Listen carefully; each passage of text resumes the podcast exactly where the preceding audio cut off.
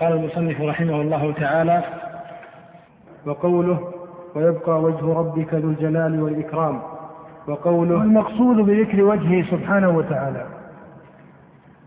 أنه يبقى ربك وهذا ليس من التأويل.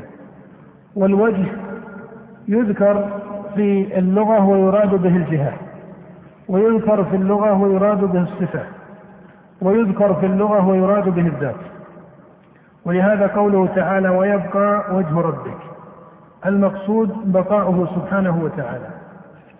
وإذا قيل إن المقصود بقاؤه فليس معنى هذا أننا فسرنا الوجه بالذات ولم نفسره. إيش؟ بالصفة. بل تفسيره ببقائه سبحانه وتعالى هو إثبات لذاته وإثبات لصفته. ولهذا إذا قيل ما معنى قوله ويبقى وجه ربك قيل معناها ويبقى ربك. فإذا قيل هل هذه الآية دليل على إثبات صفة الوجه له؟ الجواب نعم. وأما قوله تعالى فأينما تولوا فثم وجه الله فالمراد الجهة فالمراد الجهة. وإذا ذكرت الجهة هنا فهل الآية تدل على إثبات الوجه له؟ نعم هي من جهة ثانية تدل على إثبات الوجه. فإن القاعدة أن ما صح ذكره على المعنى الذي يسميه المتأخرون مجازا وهو المعنى المشترك. فلا بد أنه مقول بالحقيقة من جهة الأصل. فلا بد أنه مقول بالحقيقة من جهة الأصل. ولهذا جعل أهل السنة من دليل ذكر صفة اليدين قوله تعالى أو قوله تعالى وقالت اليهود يد الله مغلولة غلت أيديهم مع أن السياق لم يأتي على ذكر الصفة من أصلها. نعم. وقوله كل شيء هالك إلا وجهه. وهذا مثل أي إلا هو سبحانه وتعالى وفيه إثبات لصفة الوجه. نعم. وقوله ما منعك أن تسجد لما لما خلقت بيدي. بيدي هذه تثنية مضافة. وهنا من ما يثبته أهل السنة أن الله موصوف باليدين وأن له يدين تليقان بجلاله سبحانه وتعالى والقاعدة فيها كالقاعدة في سائر الصفات. وتأولها المخالف بالنعمة أو بالقدرة أو بالقوة. وهذه المعاني وإن كان أصلها يستعمل للفظ اليد في اللغة إلا أن السياق هنا يمنع أن تفسر بإيش؟ بذلك ولما السياق يمنع؟ لأن اليد هنا ذكرت مثنات وإيش؟ ومضافة والعرب إذا ذكرت اليد على سبيل التثنية المضافة فإنها لا تستعمل إلا في الصفة ولا تستعمل في القوة والنعمة وأمثالها نعم وقوله وقالت اليهود يد الله مغلولة غلت أيديهم ولعنوا ولعنوا بما قالوا بل يداه مبسوطتان ينفق كيف يشاء. نعم وهذا كما أسلفت أنه دليل على إثبات صفة اليد له سبحانه وتعالى. وهنا ينبه إلى أنه في مقام التقرير لأسماء الله سبحانه وتعالى وصفاته. لا يجوز أن يقال إن اليهود كانوا مثبتين للصفات أكثر من إثبات المعتزلة أو من إثبات بعض أهل القبلة من المسلمين. فإن هذا الكلام قد يستعمله من يستعمله ممن آه، أراد الرد على المخالفين لأهل السنة والجماعة من أهل البدع. صحيح أنك إذا نظرت الجاهليين من العرب وجدت أنهم لم يعارضوا الرسول صلى الله عليه وسلم في باب الصفات وأقروا بجملة هذا الباب ولم ينقل عنهم معارضة في تفسيره. ولكن هذا الإقرار العام والمجمل. هل يلزم أن يكون محققا على السنة والجماعة وطرق الأنبياء وما إلى ذلك؟ هذا فيه تعذر كثير. هذا إذا ذكر في شأن الجاهليين من العرب فإن الأمر آه، يكون سهلا ومقاربا. وأما إذا ذكر الشأن في شأن اليهود وأن اليهود كانوا مثبتين للصفات على التحقيق وأنهم كانوا مقرين بها ولم يحرفوها ولم يخالفوا فيها فهذا فيما أرى أن فيه كثيرا من الاعتناء والتكلف. وقد قالت اليهود إن الله فقير فقد أسقطوا أصل الكمال الذي يتصف الرب به سبحانه وتعالى. وإذا أسقطوا أصل الكمال فمن باب أولى أن يسقطوا إيش؟ تفصيله. وترى أن المخالفين من المسلمين يقرون بأصل كمال الرب وأنه مستحق للكمال منزه عن النقص. ولهذا طالب العلم وصاحب السنة ليس بحاجة إلى أن يفضل أقوال الكفار على أقوال بعض المسلمين. فإنها وإن فضلت من وجه إلا أنها شر من إيش؟ من أوجه أخرى. والتفضيل المطلق هو المعتبر في الحكم والقياس. وأما التفضيل من وجه هذا ليس له حكم لأن الأحكام لا تقتضي وحتى إذا ذكر الكلام يكون أشد في مقام التكفير. حتى إذا ذكر الكلام في مقام التكفير. ولهذا ما ذكره مثلا الإمام ابن القيم رحمه الله كأن في نوع من الزيادة فيما يظهر والله أعلم. لما قالوا المشركون أخف أو إن المعطلة بالغواية معلن والمشركون أخف في الكفران. هذا لا يظهر تحقيقه هذا لا يظهر تحقيقه ولا شك أن سواد المسلمين مع ما فيهم من البدع لا شك أنهم أقرب إلى السنة والقرآن من أهل الكفر. وأما غلاة أهل البدع الذين وصفهم الأئمة بالزندقة فمن ثبتت زندقته وإلحاده وخروجه عند السلف من الشريعة والديانة والملة فهذا لا يمنع أن يكون قوله أشد كفرا وضلالا ومباينة لمقاصد الأنبياء ورسالاتهم من قول طائفة من أهل الكتاب أو طائفة من المشركين. نعم.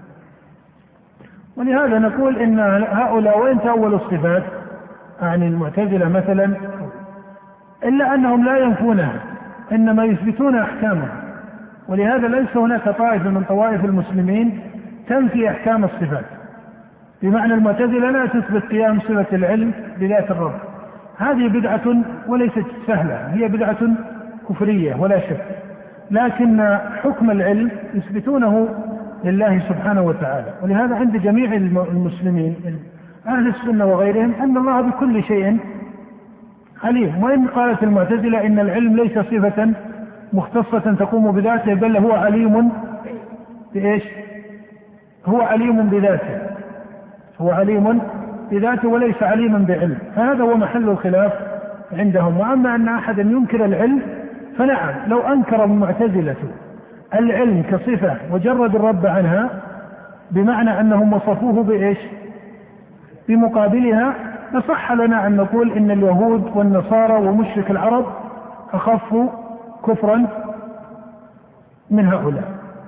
لو قالت المعتزلة إن الله لا يتصف بالعلم بمعنى أنه مجرد عن العلم مطلقا وهو موصوف بالجهل أو حتى لو لم يقولوا أنه موصوف بالجهل مجرد أنهم يقولون أنه لا يتصل بالعلم ولا يعلم الأشياء ولو, ولو لم يصرحوا بلفظ الجهل لو وصلوا إلى هذه الدرجة لصح لنا أن نقول إيش؟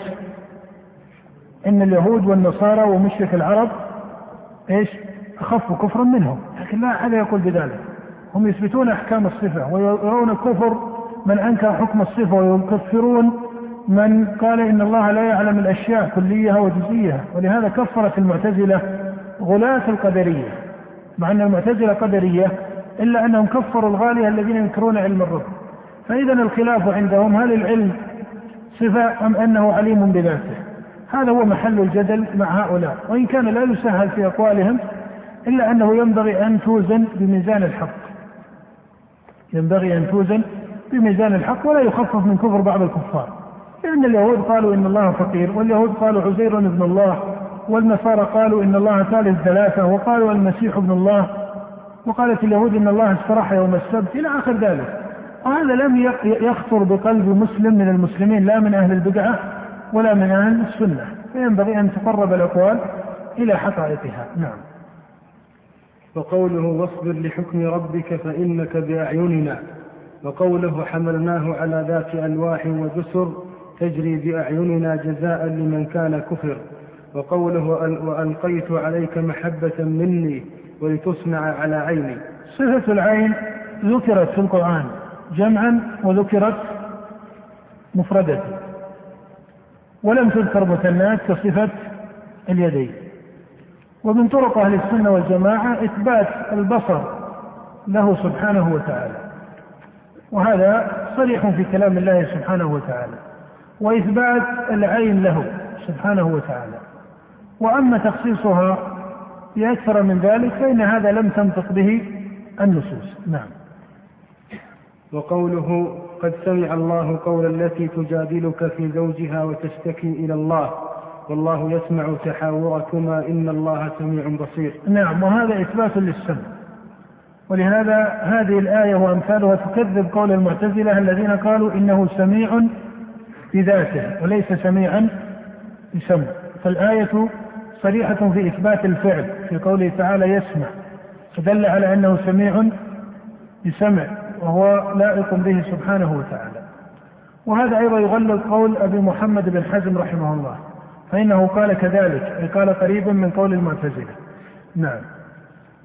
وقوله لقد سمع الله قول الذين قالوا إن الله فقير ونحن أغنياء وقوله أم يحسبون أنا لا نسمع سرهم ونجواهم بلى ورسلنا لديهم يكتبون. بلى ورسلنا المراد بالرسل هنا الملائكة.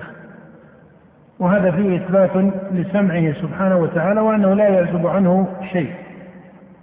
هذا السمع فضلا عن العلم. ولهذا لما ذكر السمع سبحانه وتعالى قال أو علقه بالسر وإيش؟ والنجوى. فدل على أن غيره من باب أولى. ولما ذكر علمه سبحانه وتعالى علقه بما في الصدور. وهذا يدلك على أن المراد من صفة السمع إيش؟ وهذا يدلك على أن المراد من صفة السمع الحقيقة. لأن الله سبحانه وتعالى لو أراد بسمعه العلم لما كان هذا خاصا بالسر والنجوى. ولهذا فرق سبحانه وتعالى بين الصفات. فلما ذكر علمه قال إن الله عليم بذات الصدور. ولما ذكر سمعه جعله في أدنى متعلقات السمع وهما السر والنجوى. فدل على أن السمع هنا يراد به إيش؟ العلم أو السمع على الحقيقة. السمع على الحقيقة. ولهذا صار أخص متعلقاته في القرآن السر والنجوى. أم يحسبون أن لا نسمع سرهم ونجواهم. نعم. وقوله إنني معكما أسمع وأرى. وهذا كذلك. ولهذا لما ذكر الله سبحانه معيته جعلها مضافة إلى موسى وهارون فإن السياق في ذكرهما. وهذه هي معيته الخاصة سبحانه وتعالى المتضمنة لنصره وتأييده. المتضمنة لنصره وتأييده. والسمع هنا ذكر مطلقا لم يذكر مضافا. وكذلك الرؤية والبصر ذكرت مطلقة لم تذكر مضافة. نعم. وقوله ألم يعلم بأن الله يرى؟ وقوله الذي يراك حين تقوم وتقلبك في الساجدين. نعم وهذا إثبات لرؤيته وبصره سبحانه. نعم. الذي يراك حين تقوم وتقلبك في الساجدين إنه هو السميع العليم. وقوله قل, قل وقل اعملوا فسيرى الله عملكم ورسوله والمؤمنون. فسيرى الله هل المقصود هنا الرؤية العلمية أو الرؤية البصرية؟ هل المقصود هنا الرؤية العلمية أو الرؤية البصرية؟ هذا من جهة اعتبار اللغة له اعتبار لكن من جهة اعتبار الشرع فإنه يقال إن الآية عامة. وسيرى الله أن يعلم الله سبحانه وتعالى ويبصر عملهم نعم. وقوله وهو شديد المحال وقوله ومكروا ومكر الله. نعم قوله وهو شديد المحال. المحال أي القوة. وفسره بعضهم وهو شديد المحال في بعض مختصرات الشرح للرسالة شديد الأخذ بالعقوبة. وهذا فيه تفصيل في تفسير الآية. فإن المحال هو أشد القوة في كلام العرب. فقوله وهو شديد المحال أي شديد القوة سواء كانت هذه القوة أخذا بالعقوبة أو حكما كونيا آخر. نعم. وقوله ومكروا ومكر الله والله خير الماكرين. نعم وهذا إثبات لمكره سبحانه وتعالى بالكفار أنه يمكر بهم وأنهم يمكرون ويمكر الله. وكما أسلفت أن مثل هذا النوع من الصفات لا يجوز أن يذكر في حق الله مطلقا إنما يذكر كما ذكره الله وهذا هو وجه كماله. أما إذا ذكر مطلقا فإن هذا ليس من الكمال في مقتضى العقل ومقتضى الفطرة. وهنا طريقة يستعملها بعض أهل السنة أنهم يقولون إن صفة المكر هي من باب المقابلة. وهذا التعبير لا أصل له في القرآن أو في السنة أو حتى في كلام الصحابة. وكأن فيه تضييقا لمعنى الآية أو لمعنى الصفة. فإن من جعل المكر صفة مطلقة فقد وسع ما لم تدل الآية على إيش؟ توسعته. وفيما يظهر والله أعلم أن من قال إن هذا على سبيل المقابلة كأن هذا الحرف ليس فاضلا. لأن فيه أو لأنه يوحي بقدر من التضييق لمعنى الصفة وما وجه التضييق في لفظة المقابلة؟ أي أنه لا يمكر إلا عند إلا عند إيش؟ فإذا مكروا مكر بهم. وهذا لا يلزم لا يلزم في وصف الله سبحانه وتعالى والآية ما دلت عليه. فإن الله يقول ويمكرون ويمكر الله. جعل الفعل من جهته مستقلا والفعل من جهتهم مستقلا أما إذا قلت إنه مقابلة فالمقابلة تأتي على مثل سياق فإذا مكروا مكرنا أو فإذا مكروا مكر الله بهم. هذا هو الذي تقول إنه من باب المقابلة. المقابلة كمصطلح كأنها بمعنى الشرط في كلام أهل اللغة. كأنها بمعنى الشرط والشرط يستلزم أو المشروط لا بد من وجود شرط. فهذا كما ترى أن فيه إيش؟ تضييقا للآية أو تضييقا للصفة. والقرآن كما ترى ذكرها مختصة ولكنها في سياق مقيد. ذكرها مختصة ولكنها في سياق مقيد. فهذا هو الوسط في فقه الآية وهو الصواب وهو الذي يجب التزامه لأن هذا هو الذي ذكر في الآية. لا يقال إن هذا من باب المقابلة لما لأنه يفهم منه أن هذه الصفة لا تقع إلا بعد وقوعها منهم وهذا ليس بلازم. من قال هذا فنقول إنه قد تكلف غيبا. وهذا لم لم تذكره النصوص ولا تقتضيه أصول الكمال الذي يتصف الرب به. فلا يقال إنها من باب المقابلة كما لا يقال إنها صفة مطلقة كصفة العلم. بل يقال إن الله سبحانه وتعالى يمكر ومكره سبحانه وتعالى يكون بالكفار. على قوله تعالى ويمكرون ويمكر الله.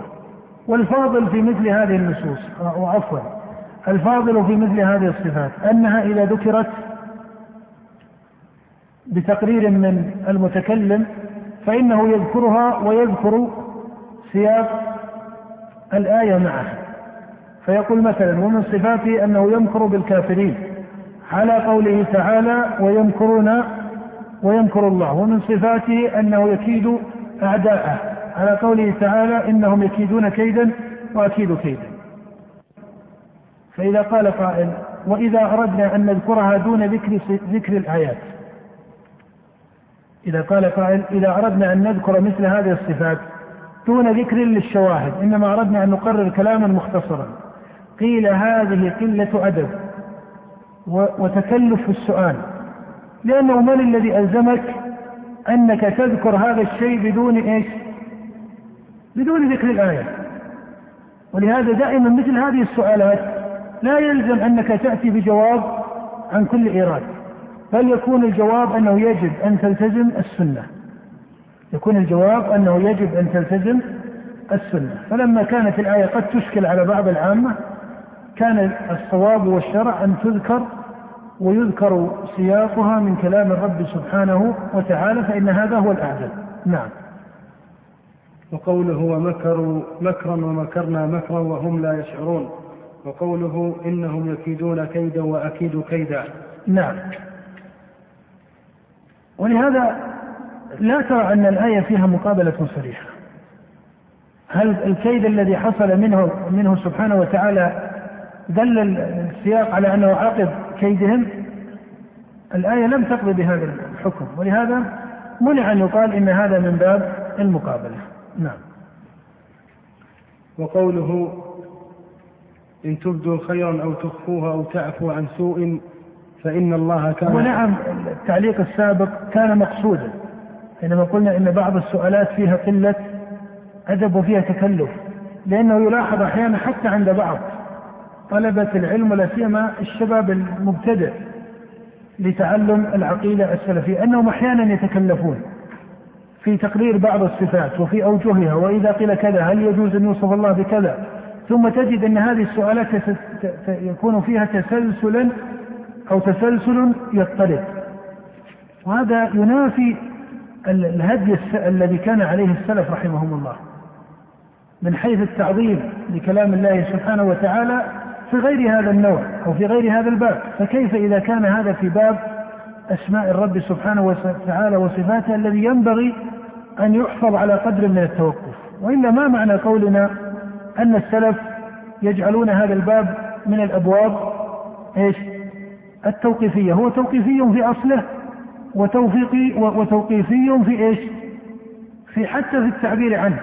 ليس معناه أنك لا تعبر بالمعاني المناسبة لتفسير الآيات كلا ولكن المعنى أن المعنى الذي يفسر به الآية يجب أن يكون موافقا لسياقها لا يكون فيه خروج عن مادة السياق. نعم. وقوله إن تبدوا خيرا أو تخفوه أو تعفو عن سوء فإن الله كان عفوا عفوا قديرا. وقوله وليعفوا وليصفحوا ألا تحبون أن يغفر الله لكم والله غفور رحيم. نعم وهذا إثبات لمغفرته وعفوه وصفحه وكما أسلفت أن هذا كالمحبة ودرجاتها. نعم.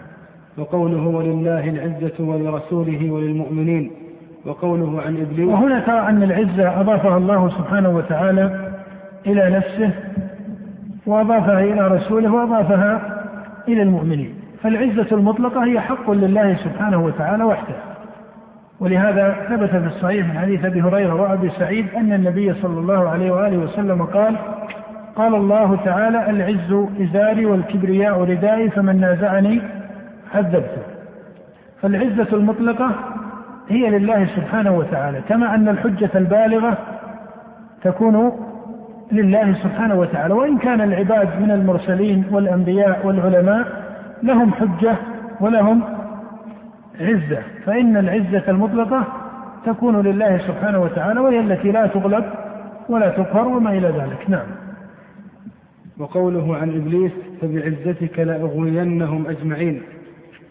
وقوله فاعبده واصطبر لعبادته هل تعلم له سميا؟ وقوله ولم يكن له كفوا أحد. وهذا من دلائل العقل على إثبات العبودية. فاعبده واصطبر لعبادته. هل تعلم له سميا أي لما كان سبحانه. لا سمي له دل على أنه هو وحده المستحق للعبادة. وهذا من إثبات توحيد العبادة بذكر توحيد الربوبية. نعم. شيخ في آية قبلها. وقوله تبارك اسم ربك بالجلال والإكرام. نعم. وهذا اسمه الذي وصفه الله بكونه تبارك هو أسماؤه سبحانه وتعالى. فهل المراد اسم الرب أم أنه يتعلق بسائر أسمائه؟ يقال إن سائر أسمائه تلحقها هذه الصفة وهذا التعظيم الذي ذكره الله بقوله تبارك. نعم. وقوله فلا تجعلوا لله أندادا وأنتم تعلمون. وقوله وقوله ومن الناس من يتخذ من دون الله أندادا يحبونهم كحب الله. وقوله وقل الحمد لله. وهذا قوله فلا تجعلوا لله أندادا لما المصنف ذكرها هذا من باب التنزيه. لو قيل لماذا ذكر المصنف هذه الآية؟ مع أن ليس فيها إثبات الصفة قيل هذا من باب التنزيه. وفيها إثبات لاسم الله سبحانه وتعالى وما يقتضيه من المعنى لكن هي من باب التنزيه أن الله منزه عما لا يليق به في أسمائه وصفاته وفي أفعاله وفي عبوديته. نعم. وقوله وقل الحمد لله الذي لم يتخذ ولدا ولم يكن له شريك في الملك ولم يكن له ولي من الذل وكبره تكبيرا. وقوله يسبح نعم وترى من حكمته أنه لما ذكر الولد نفاه. ولما ذكر الشريك إيش؟ نفاه. ولما ذكر الولي نفاه على التقييد. قال ولم يكن له ولي من الذل. وأما الولي فإنه ثابت في مثل قوله تعالى ألا إن أولياء الله لا خوف عليهم ولا هم يحزنون. لكن هذا الولي الذي هو ولي لله سبحانه وفي مثل قول النبي عن ربه من عادى لي وليا فقد آذنته بالحرب. ف ومثل قوله تعالى إنما وليكم الله. هذه الولاية لم تكن من الذل. والذي نفي هنا أن يكون له سبحانه وتعالى ولي من الذل. نعم. وقوله يسبح لله ما في السماوات وما في الأرض له الملك وله الحمد وهو على كل شيء قدير. هذا مستفتح يكثر ذكره في القرآن ولا سيما في آخر سوره في مفصله. يسبح أو سبح. وترى أن فيه عموما. وهنا تقول يقول الله تعالى يسبح لله ما في السماوات وما في الأرض. هذا التسبيح ما معناه؟ كثر كلام المفسرين حوله. فمنهم من قال إنه سكونها ومنهم من قال إنها حصلت بأمره. وبقوله كن فكانت. ومنهم من قال إن تسبيحها هو أنها جاءته طوعا. إلى غير ذلك من التفاسير والحق أن هذه الآيات أو مستفتح هذه السور بمفصل القرآن لو رد إلى آية في كتاب الله لكان أجود ولكان هو الأهدى ومن باب تفسير القرآن آه، بعضه ببعض. وهذه الآية التي ترد إليها هذه الآيات هي قوله إيش؟ نعم. نعم هي قوله تعالى تسبح له السماوات السبع والأرض ومن فيهن وإن من شيء إلا يسبح بحمده ولكن لا تفقهون تسبيحهم إنه كان حليما غفورا. فإذا قيل ما وجه الرد إليها؟ إذا قيل لم رددنا إليها؟ لأن فيها قوله تعالى ولكن لا تفقهون تسبيحهم. فدل على أن الآيات أريد بها الخبر المحض والتصديق المحض. وأما المعنى الذي هو معنى التسبيح فإننا لا نعلمه. وإذا قلنا إننا لا نعلمه فهل يقول قائل إن ما ذكره بعض السلف في تسبيح هذه المخلوقات يكون غلطا؟ نقول لا يلزم ذلك. فإن العلم بشيء من أوجه التسبيح لا يستلزم العلم بمطلقه. وعدم العلم بمطلقه المذكور في قوله ولكن لا تفقهون تسبيحهم. عدم العلم بمفصله لا يستلزم عدم العلم بإيش؟ بشيء من مجمله. فلا شك أن ثمة أوجها من تسبيح هذه المخلوقات معلوم. لا شك أن ثمة أوجها من تسبيح هذه المخلوقات معلوم. وأما تفصيل ذلك فإنه لا أحد يعلمه بل هو علم لله سبحانه لقوله تعالى ولكن لا تفقهون تسبيحهم. وإذا كان الله يقول ولكن لا تفقهون تسبيحهم فلا يجوز لأحد بعد ذلك أن يتكلف فقها تفسير جميع المراد بالتسبيح. نعم. وقوله تبارك الذي نزل الفرقان على عبده ليكون للعالمين نذيرا. الذي له ملك السماوات والأرض ولم يتخذ ولدا ولم يكن له شريك في الملك وخلق كل شيء فقدره تقديرا. وقوله ما اتخذ الله من ولد وما كان معه من إله إذا لذهب كل إله بما خلق ولا على بعضهم على بعض. سبحان الله عما يصفون. نعم. الآية الأولى فيها تنزيه لله سبحانه وتعالى وإثبات لكماله وبين أنه نزل الفرقان أي القرآن وإنما سمي كذلك لأن الله فرق به بين الحق والباطل وبين الهدى والضلال. نزله على نبيه صلى الله عليه وسلم ليكون للعالمين والمراد بهم هنا أهل التكليف من الإنس والجن. نذيرا أي منذرا لهم من شر كفرهم وضلالهم وبغيهم إلى آخره.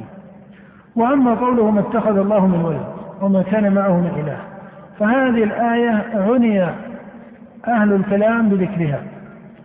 فإنهم لما ذكروا ربوبية الله سبحانه وتعالى وقبل ذلك ذكروا أصل المعرفة المتعلقة بوجود الله بنوا ذلك على دليل سموه في كتبهم دليل التمانع وهذا معروف في علم الكلام.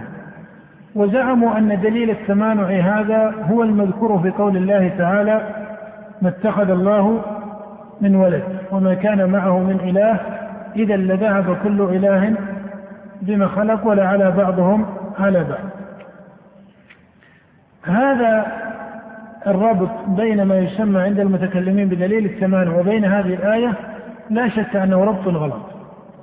وقد بين جملة من علماء السنة والجماعة بطلان دليل التمانع أو بعبارة أفصح قد بين جملة من علماء السنة والجماعة القول في دليل التمانع ومن تكلم فيه من أهل السنة ترى أن المتقدمين من السلف ما عنوا بذكره لأنهم لم يشتغلوا بالنظر في كلام مخالفيهم وإنما عارضوا مخالفيهم بالنصوص فحسب.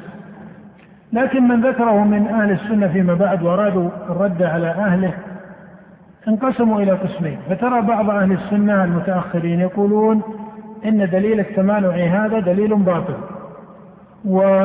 وإن الحق هو الدليل المذكور في القرآن إلى آخره ويفرقون بين دليل التمانع وبين هذه الآية تفريقا مطلقا يستلزم إبطال دليل التمانع والطريقة الثانية عند طائفة من أهل السنة أنهم يصححون دليل التمانع ولكنه يقولون إنه دليل فيه إجمال وقصور وليس مناسبا لمفصل ما ذكر في القرآن نستكمل بعد نعم. قوله تعالى ما اتخذ الله من ولد هذا من دلائل ربوبيته سبحانه وتعالى وألوهيته. وما يذكره المخالفون في دليل التمانع هو في باب تقرير أصل الربوبية ووجوده سبحانه. وكما أسلفت أن الناظرين في هذا من علماء السنة في هذا الدليل منهم من قال إنه دليل باطل ومنهم من قال إنه دليل قاصر. والصواب أنه دليل قاصر لما فيه من الإجمال وإلا فإن أصله صحيح. فدليل التمانع تثبت به جملة من الربوبية ولكنه من الأدلة القاصرة المجملة وليس هو من الأدلة الباطلة بطلانا محضا. ولا شك أنه ليس على معنى قوله تعالى ما اتخذ الله من ولد وما كان معه من إله فإذا ثمة ثلاثة مسالك. مسلك المتكلمين أهل هذا الدليل أنهم سووا بينه وبين قوله تعالى ما اتخذ الله من ولد. فهذه التسوية غلط. والمسلك الثاني وهو مسلك طائفة من محقق أهل السنة الذين تكلموا فيه كشيخ الإسلام تيمية أنهم قالوا إنه دليل قاصر مجمل وليس هو بمعنى الآية بل الآية أشرف من جهة الدلالة والاقتضاء. وهذا هو المنهج الصحيح. ومنهم من فرق بينه وبين الآية على جهة قال إنه دليل باطل لا يصح. وهذا فيه قدر من الزيادة. نعم. وقوله عالم الغيب والشهادة فتعالى عما يشركون. وقوله فلا تضربوا لله الأمثال إن الله يعلم وأنتم لا تعلمون. وهذه من خصائصه سبحانه وتعالى أنه عالم الغيب والشهادة. وأما غيره فإنه لا يعلم الغيب إلا ما علمه الله سبحانه وتعالى إياه. ولهذا كان علم الغيب من خصائص الرب سبحانه في مثل قوله تعالى عالم الغيب فلا يظهر على غيبه أحدا في مثل قوله تعالى قل لا يعلم ما في السماوات والأرض الغيب إلا الله وهذا العموم على إطلاقه. فلا الملائكة ولا الأنبياء ولا محمد صلى الله عليه وسلم ولا غيره فضلا عمن يسمون بالأولياء والأئمة والأغوات والأبدال وأمثال ذلك من مصطلحات التصوف فلا أحد في السماوات أو في الأرض يعلم الغيب إلا الله سبحانه وتعالى. ولا شك أن الملائكة والأنبياء علمهم الله طرفا من غيبه فهذا لا إشكال في إثباته. ولكن العلم بمفصل الغيب هذا هو حق الله سبحانه وتعالى الذي لا يصح لأحد أن يؤتيه الله إياه. ولهذا من ادعى في مخلوق سواء كان ملكا أو رسولا أو نبيا أو, أو صالحا أو وليا سماه بأي اسم ادعى فيه أنه يعلم غيب السماوات والأرض فهذه الدعوة من أكثر الكفر وأعظم الشرك لله سبحانه وتعالى والإبطال لحقه ولعظمته ولربوبيته وكذلك قوله الشهادة فإنه لا أحد في السماوات أو في الأرض يعلم الشهادة على إطلاقها. وإن كان عامة بني آدم وعامة من خلق الله يعلمون أشياء من الشهادة. فترى أن كل إنسان يعلم جزءا من عالم الشهادة يعلم جزءا مما يتعلق بنفسه وجزءا مما يدور حوله. فكذلك الإحاطة بعالم الشهادة هو محض حق الله سبحانه وتعالى. الإحاطة بعالم الشهادة هو محض حق الله سبحانه وتعالى فلا الجن ولا السحرة ولا الكهان يعلمون سائر موارد الشهادة. وأما الغيب فمن باب أولى. نعم. وقوله فلا تضربوا لله الأمثال إن الله يعلم وأنتم لا تعلمون. فلا تضربوا لله الأمثال. أي أنه سبحانه وتعالى ليس كمثله شيء لا يقاس بخلقه بل له المثل الأعلى كما في قوله تعالى ولله المثل الأعلى. نعم. وقوله قل إنما حرم ربي الفواحش ما ظهر منها وما بطن والإثم والبغي بغير الحق وأن تشركوا بالله ما لم ينزل به سلطانا وأن تقولوا على الله ما لا تعلمون. نعم وهذه أصول المحرمات المذكورة في قوله تعالى قل إنما حرم ربي الفواحش ما ظهر منها وما بطن إلى آخره. ومثل قوله تعالى وأن تشركوا بالله ما لم ينزل به سلطانا. هذا ليس من باب التقييد للشرك كما قد يفهم أو يستشكل البعض. فإنه لا يمكن أن يكون الشرك ماذا؟ عليه سلطان أو برهان من الله. وإنما يذكر مثل هذا التقييد لكونه ملازما لحالهم. وهذا من باب الإبطال لطرق المشركين أن سائر شركهم بغير بغير حجة وسلطان. نعم.